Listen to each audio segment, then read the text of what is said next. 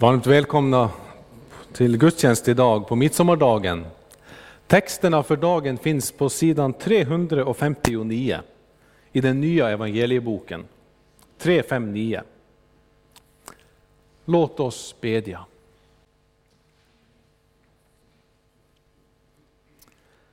Herre, vi har kommit samman för att höra vad du Gud Fader, vår skapare, du Herre Jesus, vår frälsare, du helige Ande, vår tröstare i liv och död, vill tala till oss.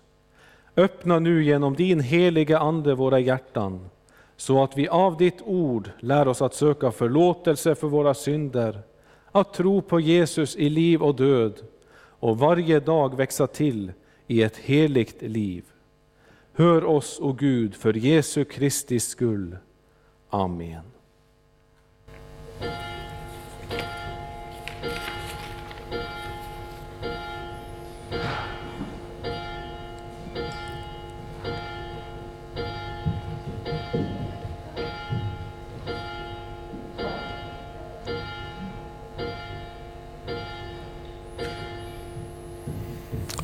Så börjar vi med att sjunga de fyra första verserna på 200.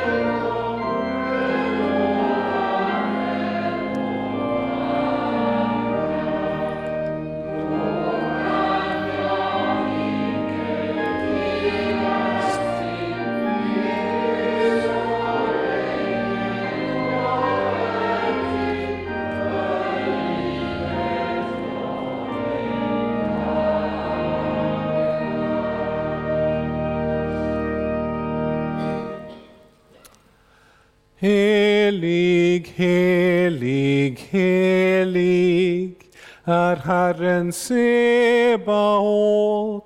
Hela jorden är full av hans härlighet.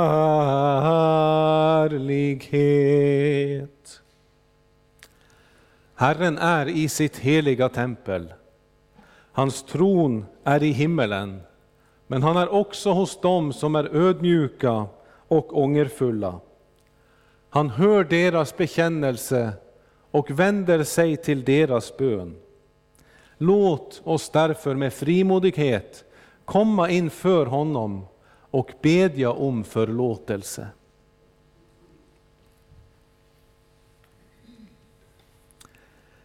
Jag fattig, syndig människa bekänner inför dig, helige och rättfärdige Gud, att jag som är född med synd på många sätt har brutit emot dig.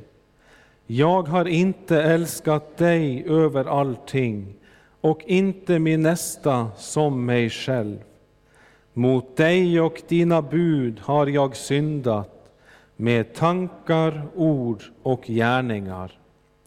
Jag är värt att förkastas från ditt ansikte om du skulle döma mig som mina synder har förtjänat.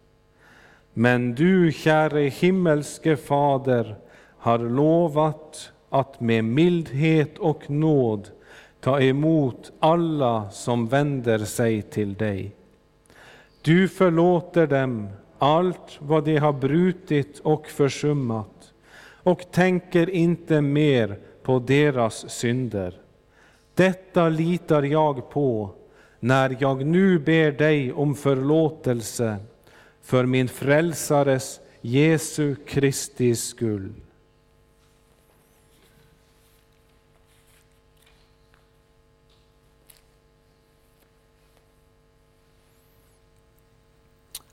Begär du dina synders förlåtelse för Jesu Kristi skull, så är i kraft av Guds ord och löfte fast och visst att Gud av nåd förlåter dig alla synder.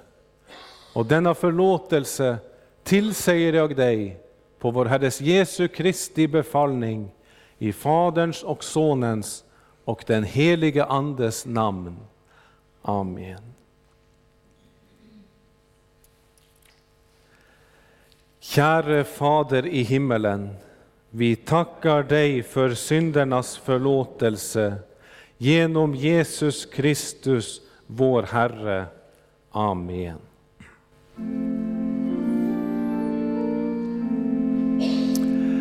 Stor är Herren och högt lovat, ja, hans storhet är outrannsaklig.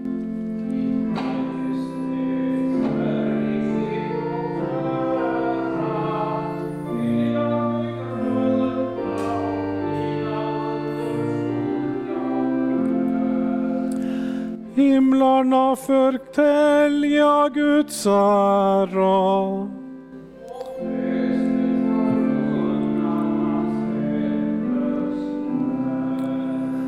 Ära vare Fadern och Sonen och den helige Ande.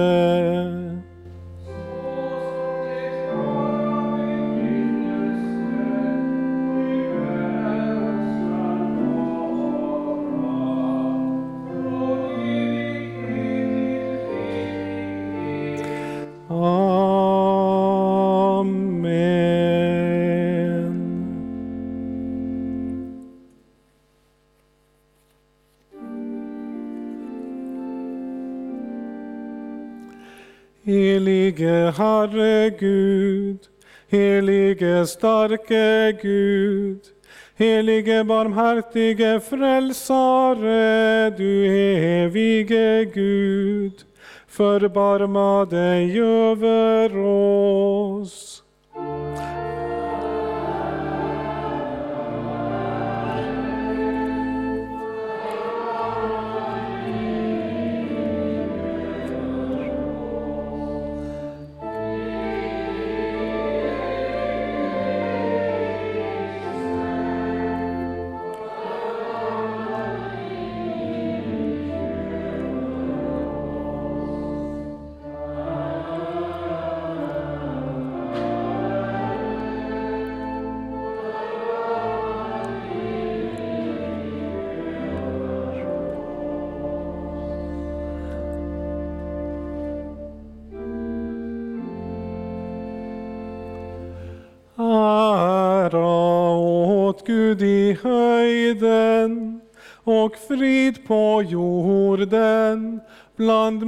Människor som han älskar.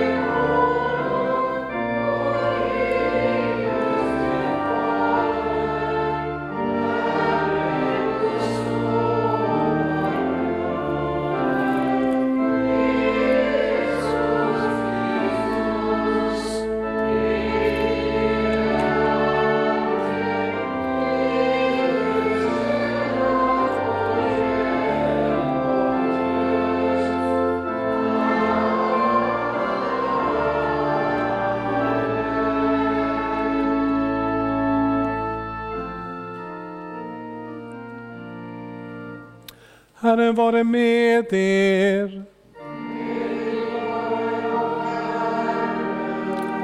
Låt oss bedja.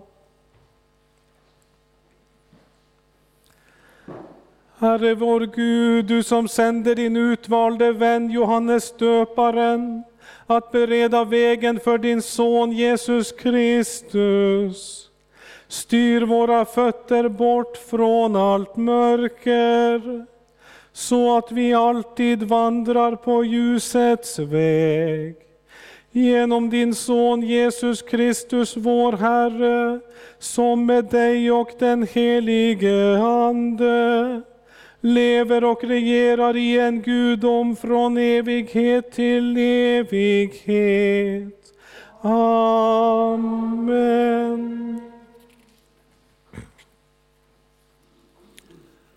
Hör Herrens ord idag på midsommardagen, den andra årgångens läsningar. Och dagens gammaltestamentliga läsning är hämtad från profeten Jeremia, från det tionde kapitlet, från den elfte versen. Ja, just det, det är också den heliga Johannes döparens dag också. Det är ju samma dag i våra evangelieböcker. Men hör Herrens ord ifrån profeten Jeremia.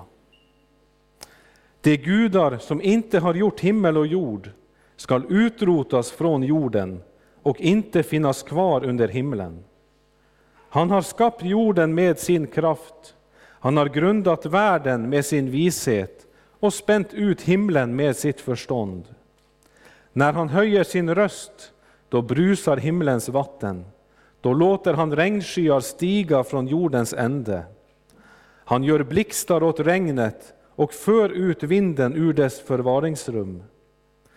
Alla människor står då som dårar utan förstånd. Alla guldsmeder får skämmas med sina avgudar, för deras gjutna gudabilder är bedrägeri. Det finns ingen ande i dem. Tomhet är det, ett verk som väcker löje. När straffet drabbar dem förgås det. Sådan är inte han som är Jakobs del. Han är den som har format allt, och Israel är hans arvedels stam. Herren Sebaot är hans namn. Hör också Herrens ord ifrån dagens episteltext, hämtad ifrån Apostlagärningarnas 17 kapitel, från den 22 versen. Paulus ställde sig då mitt på aeropagen och sade, Atenare, jag ser att ni på alla sätt är mycket religiösa. När jag gick omkring och studerade era gudabilder fann jag nämligen också ett altare med inskriften åt en okänd Gud. Det ni tillber utan att känna, det förkunnar jag nu för er. Gud är den som har skapat världen och allt som finns i den. Han som är Herre över himmel och jord bor inte i tempel gjorda av människohand. Han låter sig inte heller betjänas av människohänder som om han behövde något. Han som åt alla ger liv och anda och allt. Av en enda människa har han skapat alla människor och folk till att bo över hela jorden. Och han har fastställt bestämda tider och gränser inom vilka de ska bo. Det gjorde han för att de ska söka Gud och kanske kunna träva sig fram och finna honom, fast han inte är långt borta från någon enda av oss. För i honom är det vi lever och rör oss och är till, så som även några av era egna skalder har sagt. Vi är av hans släkt. Är vi nu av Guds släkt bör vi inte tänka oss att det gudomliga liknar något av guld, silver eller sten, en bild som kommit till av mänsklig konst och fantasi. Gud har länge haft överseende med okunnighetens tider, men nu befaller han alla människor överallt att omvända sig. Han har nämligen bestämt en dag då han ska döma världen med rättfärdighet genom en man som han har utsett. Och han har erbjudit tron åt alla genom att uppväcka honom från de döda. Så lyder Herrens ord. Gud, vi tackar dig. Som gradualsalm sjunger vi 199.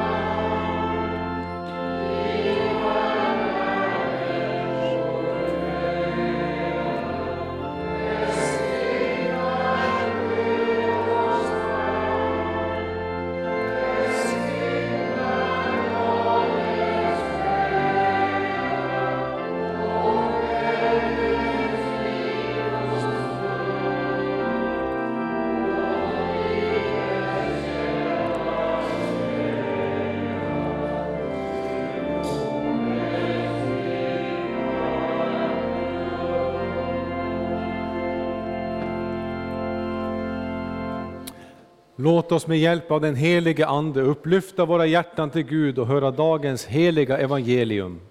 Så skriver evangelisten Lukas i det första kapitlet från den 57 versen. För Elisabet var tiden nu inne att föda, och hon födde en son. Hennes grannar och släktingar fick höra att Herren hade visat henne så stor barmhärtighet, och de gladde sig med henne. På åttonde dagen kom de för att omskära barnet, och de ville kalla honom Sakarias efter hans far. Men hans mor svarade, nej, han ska heta Johannes. Då sa de till henne, det finns ingen i din släkt som har det namnet. De gjorde tecken till hans far och frågade vad han ville att barnet skulle heta. Han bad då om en tavla och skrev, Johannes är hans namn. Och alla blev förundrade. Genast öppnades hans mun och hans tunga löstes och han började tala och prisa Gud. Alla deras grannar greps av fruktan och i hela Judeens bergsbygd talade man om det som hade hänt. Alla som hörde det tog det till hjärta och undrade vad det skulle bli av detta barn, för Herrens hand var med honom.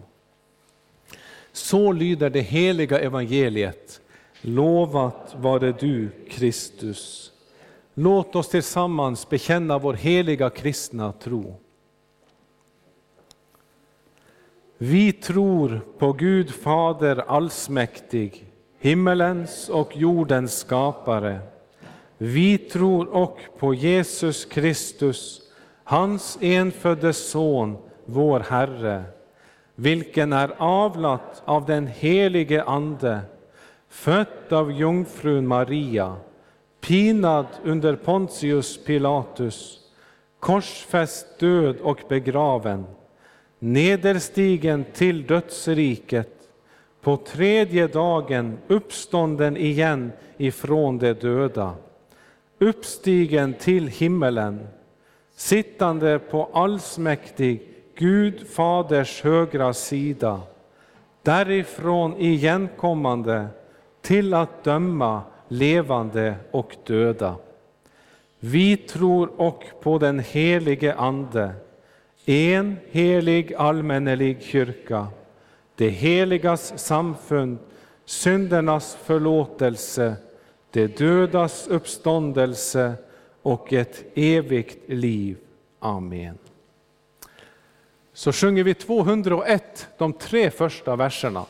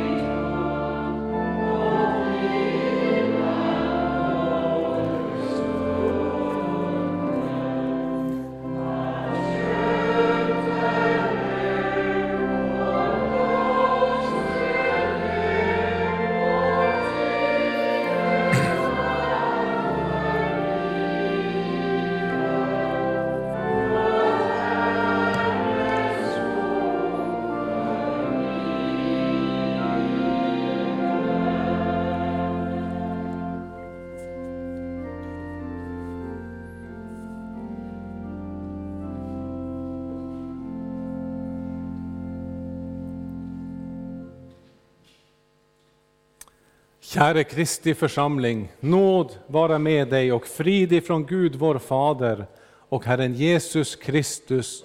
Amen. Låt oss bedja. Herre vår Gud, himmelske Fader, du som ger dig ödmjuka nåd och gör stora ting med dem som fruktar dig. Vi ber dig uppfyll våra hjärtan med lov och pris för att du tänkt på oss syndare och låtit din son bli människa för vår frälsnings skull. Hjälp oss att i tron hålla honom för vår rätte Herre och konung, som vi villigt tjänar alla våra dagar och vars rike aldrig ska ta slut. Genom denne din son Jesus Kristus, vår Herre. Amen.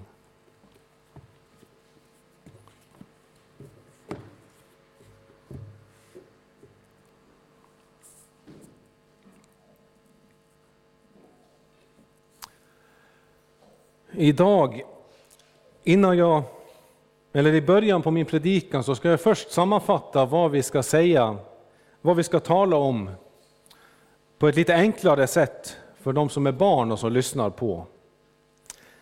Och Det som vi får höra idag, det är hur folk reagerar på Guds ord.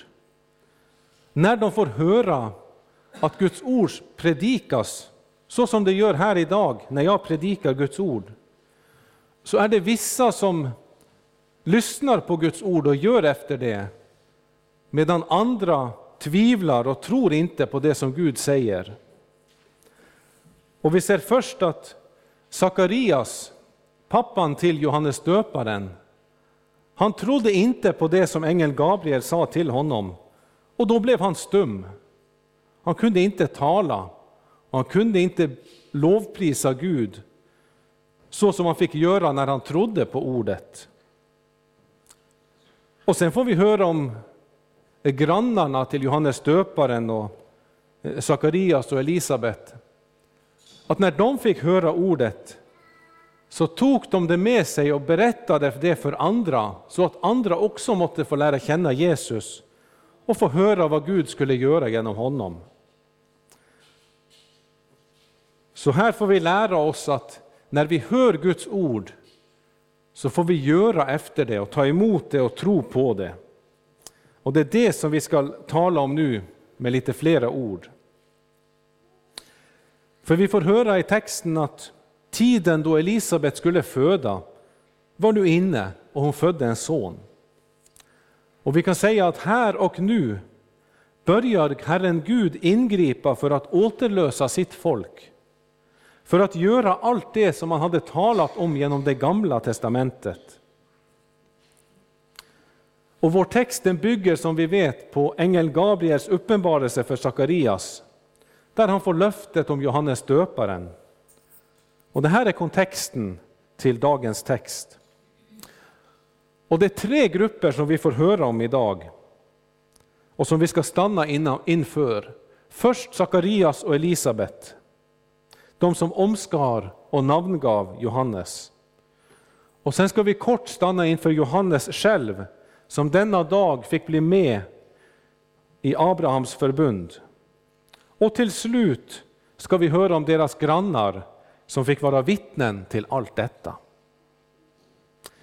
Och om vi börjar med Sakarias och Elisabet så var ju de gamla människor. Och de hade nog efter ängeln Gabriels budskap levt för sig själv i stillhet. Elisabets mage växte och växte, medan Sakarias å sin sida var stum som följd av sin otro. Och Detta är en målande bild för oss för hur det är på det andliga plan. För där stänger verkligen otron våra munnar för lovprisningen till Gud.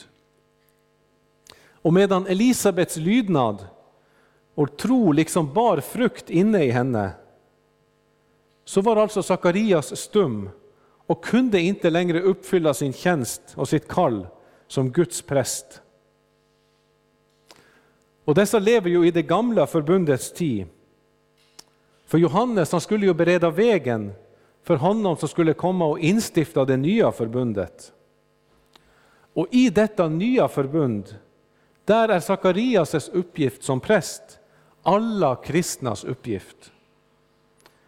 Inte så att vi skall offra vid rökofferaltaret, men såsom levande i Kristi nya förbund, med syndernas förlåtelse genom hans blod, så lever vi i hans rike som Guds konungsliga präster. Och vi kallas likt Sakarias att alltid frambära lovets offer till Gud, en frukt från läppar som prisar hans namn. Men detta vill otron och synden hindra. För så som med Sakarias så blir också din mun stängd när du är olydig emot Guds vilja. Inte så att du kan förvänta samma upplevelse som Sakarias, men du kanske bråkar och irriteras på någon och sen gör ditt dåliga humör att du inte vill göra upp med dem. Även om de kommer och vill försonas med bön om förlåtelse så vägrar du och står emot Guds vilja. För du kanske känner dig inte redo. Du kanske fortfarande är arg över vad de gjorde mot dig. Och du klarar inte att komma in i ett försonande sinnestillstånd. I sådana situationer så kan du ha märkt hur stängt det kan kännas gentemot Gud. Du kanske då rent av känner att du inte ens vill tänka på Gud och hans ord. Därför att du vet att han kallar dig till försoning, till kärlek och förlåtelse. Och du kanske har märkt att det sista du vill göra i en sådan situation är att lovprisa Gud för förlåtelsen som du har mottagit. Att glädjas i ditt inre över vad Herren själv gjorde när han led döden och det eviga straffet för dig.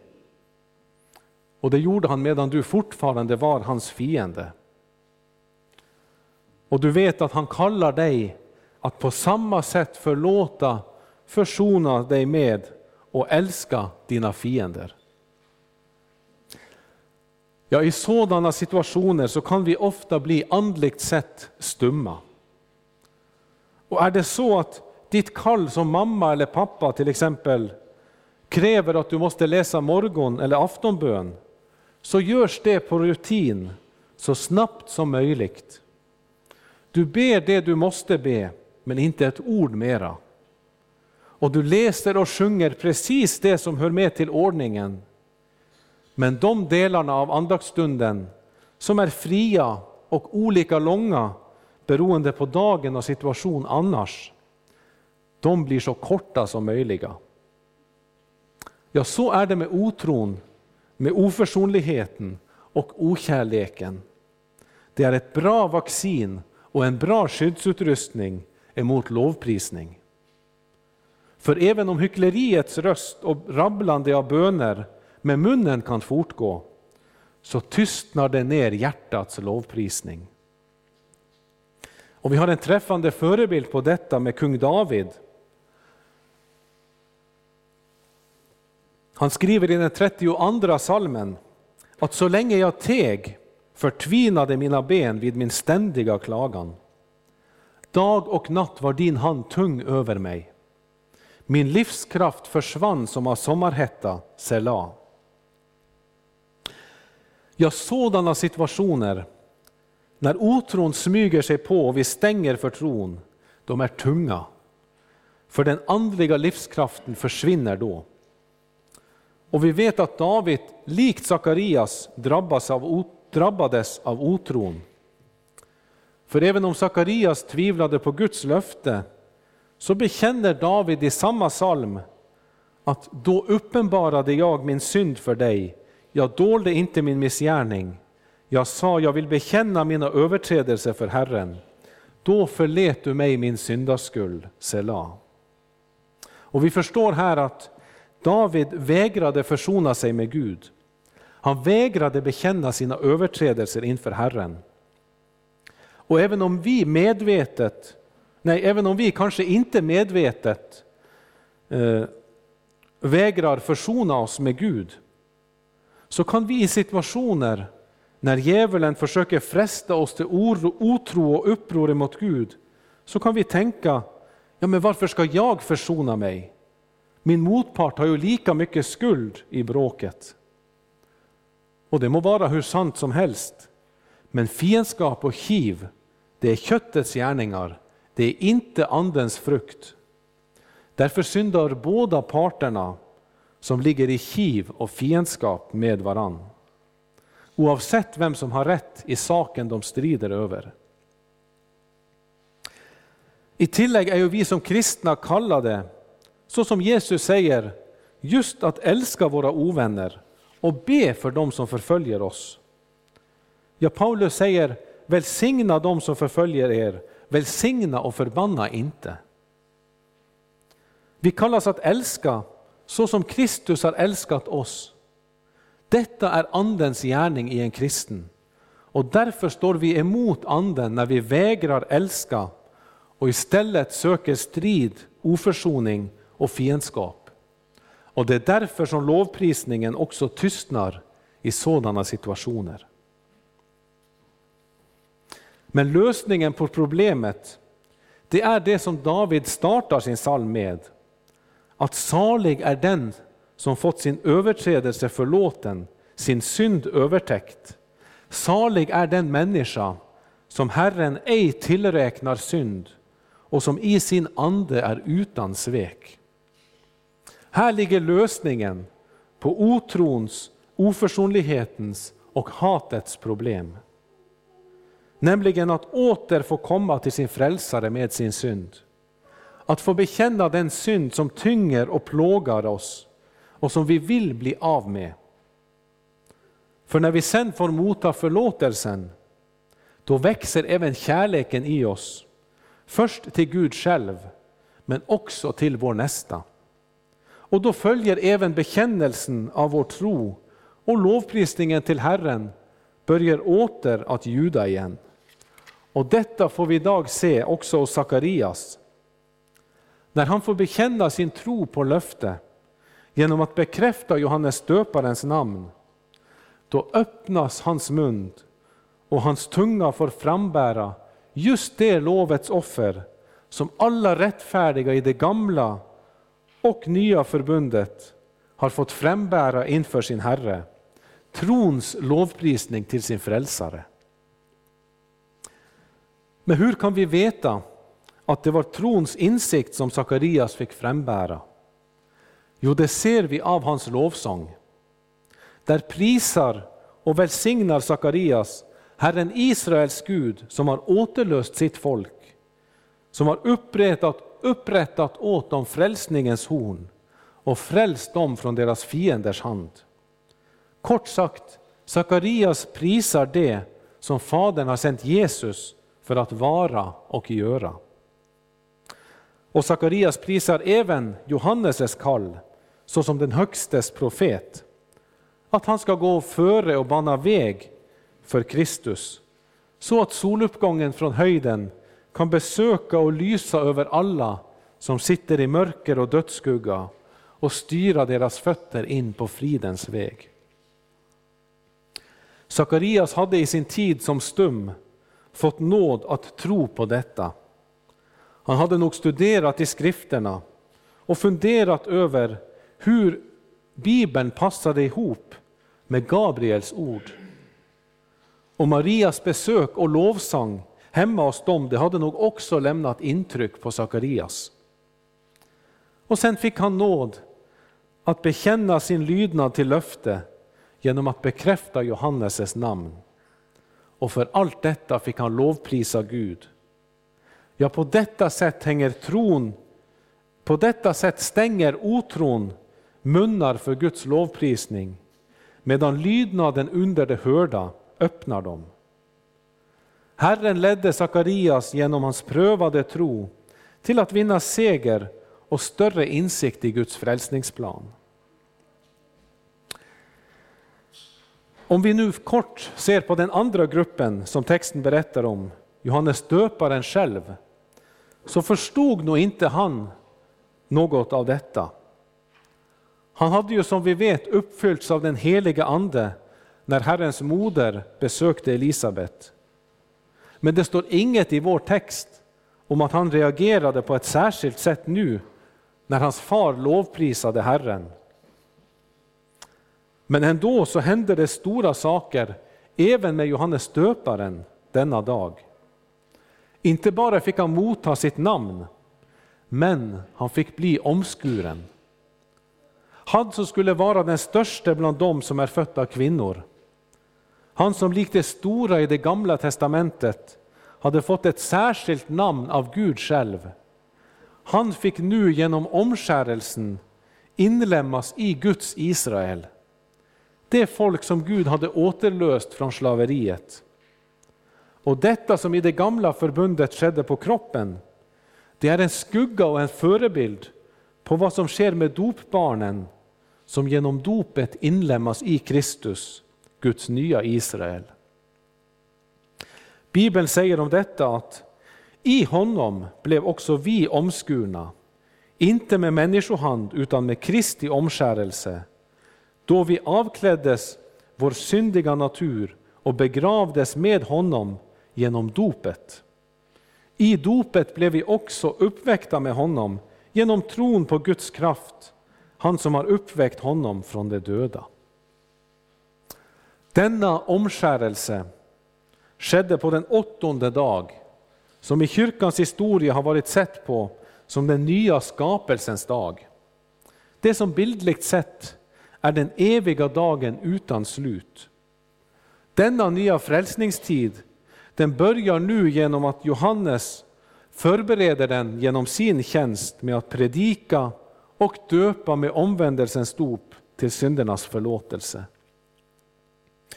Och så som Johannes så blir vi del av denna evighetsdag genom Kristi omskärelse. För då blir våra hjärtan omskurna och detta sker hela livet igenom genom tron. Men det betecknar samtidigt det som fullt och helt ska ske när vårt liv här i tiden är över och vårt syndiga kött inte längre ska plåga oss. Och så som Gud ledde Johannes föräldrar att bära honom till omskärelsen så får också vi tänka att han också förberedde våra, vår väg till dopet.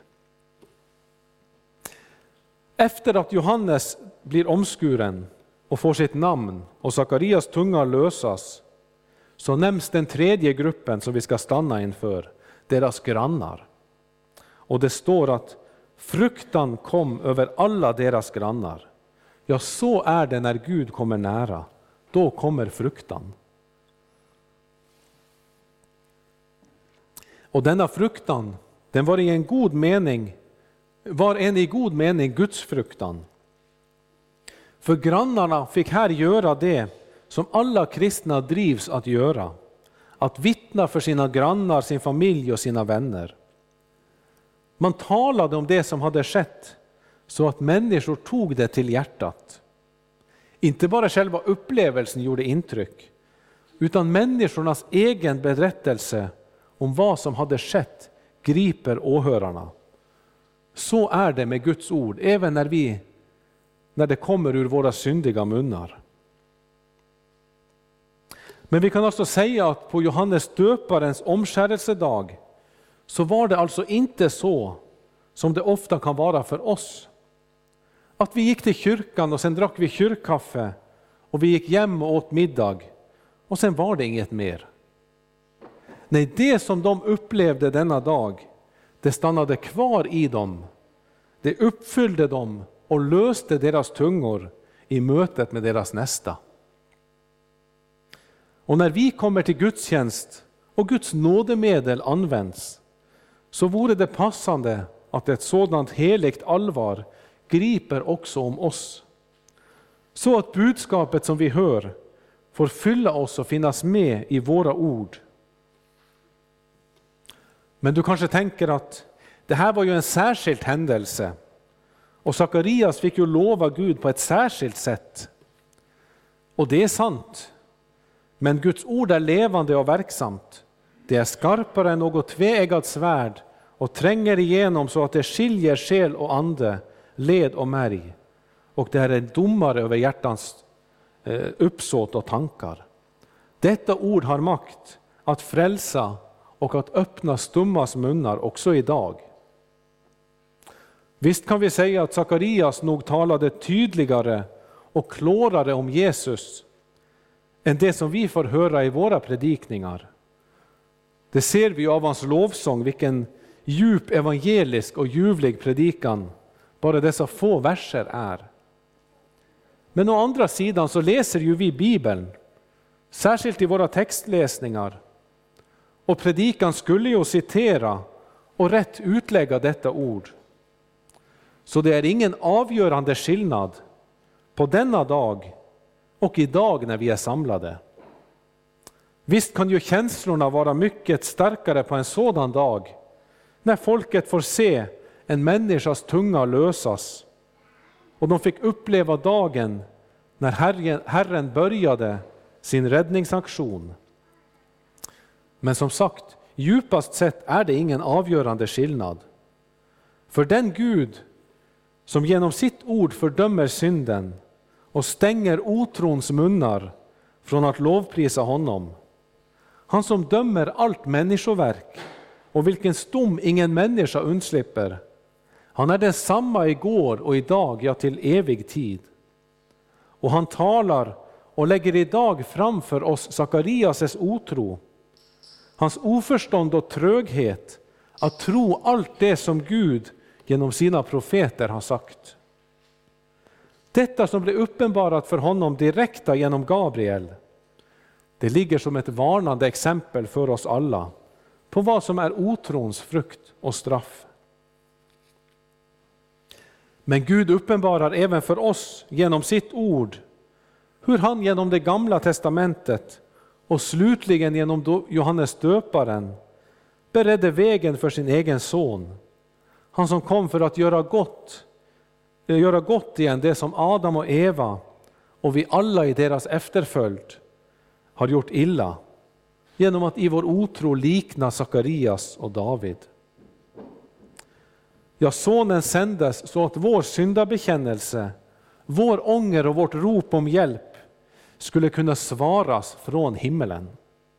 Så att vi likt David kunde få stå saliga såsom den som har fått sin överträdelse förlåten, sin synd övertäckt. Ja, såsom den människa som Herren ej tillräknar synd. För detta är ingen lön, utan detta får vi motta av nåd som svar på vårt rop om hjälp. Därför att Herren själv, så som han för länge sedan hade lovat genom sina heliga profeters mun, har frälst oss från våra fiender och från deras hand som hatar oss.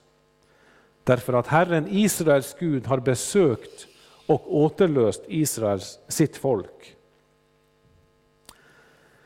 Ja, Sakarias fick förkunna om Guds offerlamm som skulle bära bort all den synd som stängde oss människor ute från gemenskapen med Gud. Och detsamma förkunnar Guds ord för oss idag, att det har skett. Så budskapet är alltså detsamma. Och ordet är lika livgivande idag som den gång för alla hjärtan där det får sammansmältas i tro. Men finns det då en skillnad i hjärtana till åhörarna? Jesus säger om de sista dagarna att eftersom laglösheten tilltar kommer kärleken att svalna hos de flesta. Och skulle vi se ut över vårt land så skulle det nog inte varit så svårt att hitta tecken på detta. Nyheterna rapporterar hur kriminaliteten i Sverige blir råare, mer frekvent och mer utbrett. Och samtidigt lämnar det ett allt mindre intryck på oss. Vidare blir Guds ordningar i samhället utbytt med andra ordningar som vi utifrån Bibeln, både, som vi utifrån Bibeln vet både skadar och förstör människor. Vi kan bara tänka på familjeinstitution och allt som har med bevarande av denna att göra. Där föräldrarnas viljor sätts före barnens bästa med söndriga familjer som frukt. Ja, lagarna flyttas mer och mer bort från den naturliga lagen. Både genom att livet inte längre är heligt, men också genom att man hotar straffa dem som vill bära fram Guds ord om dessa livsstilar. Ja, tecknen på att laglösheten ökar och att kärleken avtar är inte så svårt att se i vårt samhälle. Samtidigt som vi ser tydligare hur konturerna av Uppenbarelsebokens profetior om de sista tiderna visar sig. Men frågan är om detta är sånt som också präglar oss som vill vara kristna.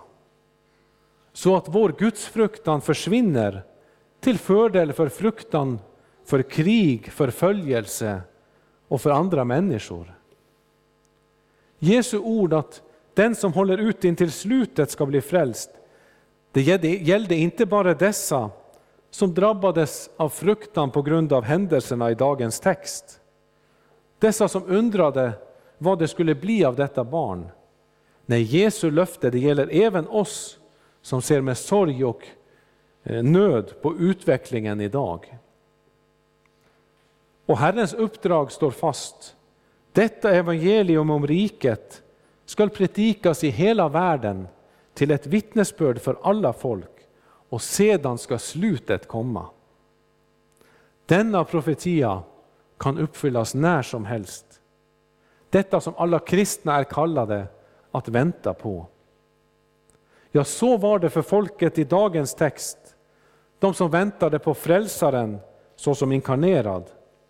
Men för Paulus och alla kristna från och med himmelfärden så väntar vi honom återkommande för att sätta punkt för ondskan, för historien och denna världens tidsålder.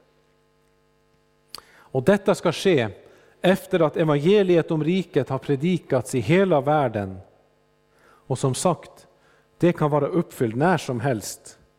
Därför får vår bön vara, både för oss själva och för våra nära och kära, att orden som texten avslutas med också må kunna sägas om oss.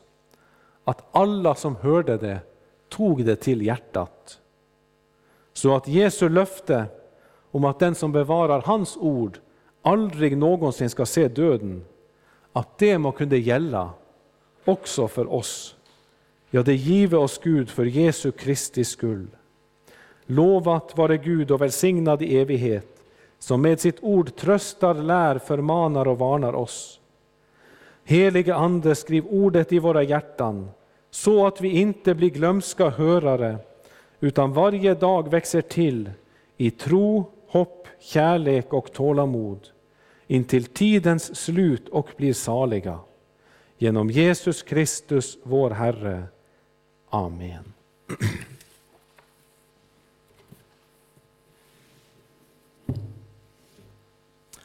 Innan vi sjunger 375 må så Guds frid som övergår all förstånd bevara era hjärtan och era tankar i Kristus Jesus.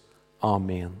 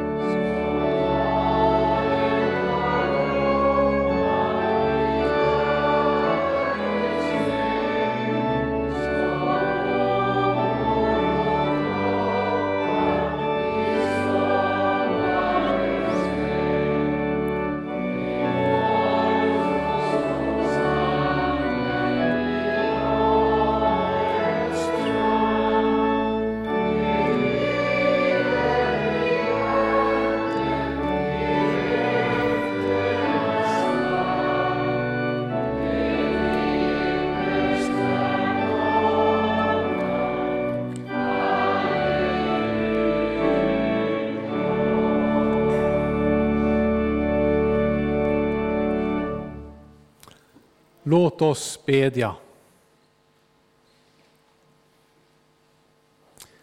Herre vår Gud och Fader, lös din kyrka från allt ont.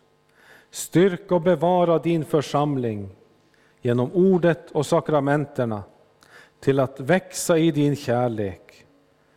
Välsigna kyrkans tjänare och deras arbete. Hjälp dem som lider förföljelse för kristendomens skull.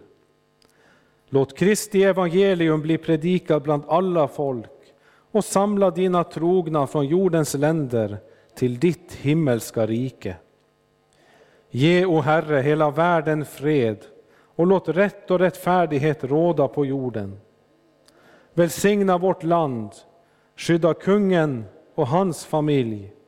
Var med riksdagen, missionsrådet, konsistorium och alla de som styr vårt land, samhälle och församling. Ge dem visdom och kraft att göra din vilja. Väck, Herre, våra hem och skolor till att ge barnen och de unga kristen fostran. Håll skada och fördärv borta från vår bygd. Ge växt åt markens gröda. Välsigna vårt arbete och lär oss hjälpa och tjäna andra. Skydda alla som är på haven och i främmande land. Kalla de vilsekomna till ditt rike och kom med hjälp till de som kämpar för sin frälsning. Tänk på dem som är i fara och frestelse, alla fattiga och sjuka, ensamma och sörjande. Och särskilt tänker vi på barnet i moderlivet. Vi ber om ditt skydd, att du förändrar lagar i samhällen och kommer till deras räddning. Hjälp oss alla väl genom livet så att vi i tron på Kristus får lämna världen och gå in i din glädje. Genom Jesus Kristus, din Son, vår Herre. Amen. Fader vår som är i himmelen. Helgat var det ditt namn. Tillkomme ditt rike. Ske din vilja så som i himmelen så och på jorden. Vårt dagliga bröd giv oss idag och förlåt oss våra skulder så som och vi förlåta dem oss skyldiga äro. Och inled oss icke i frestelse utan fräls oss ifrån ondo. Ty riket är ditt och makten och härligheten i evighet. Amen.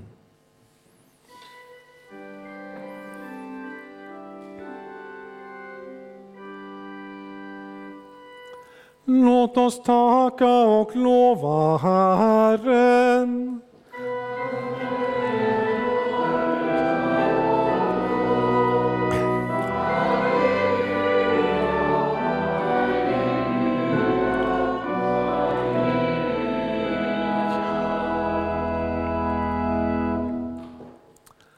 Böj edra hjärtan till Gud och mottagen välsignelsen. Herren välsigne eder och bevare eder. Herren låte sitt ansikte lysa över eder och vare eder nådig. Herren vände sitt ansikte till eder och give eder frid. I Guds Faderns och Sonens och den helige Andes namn. Amen.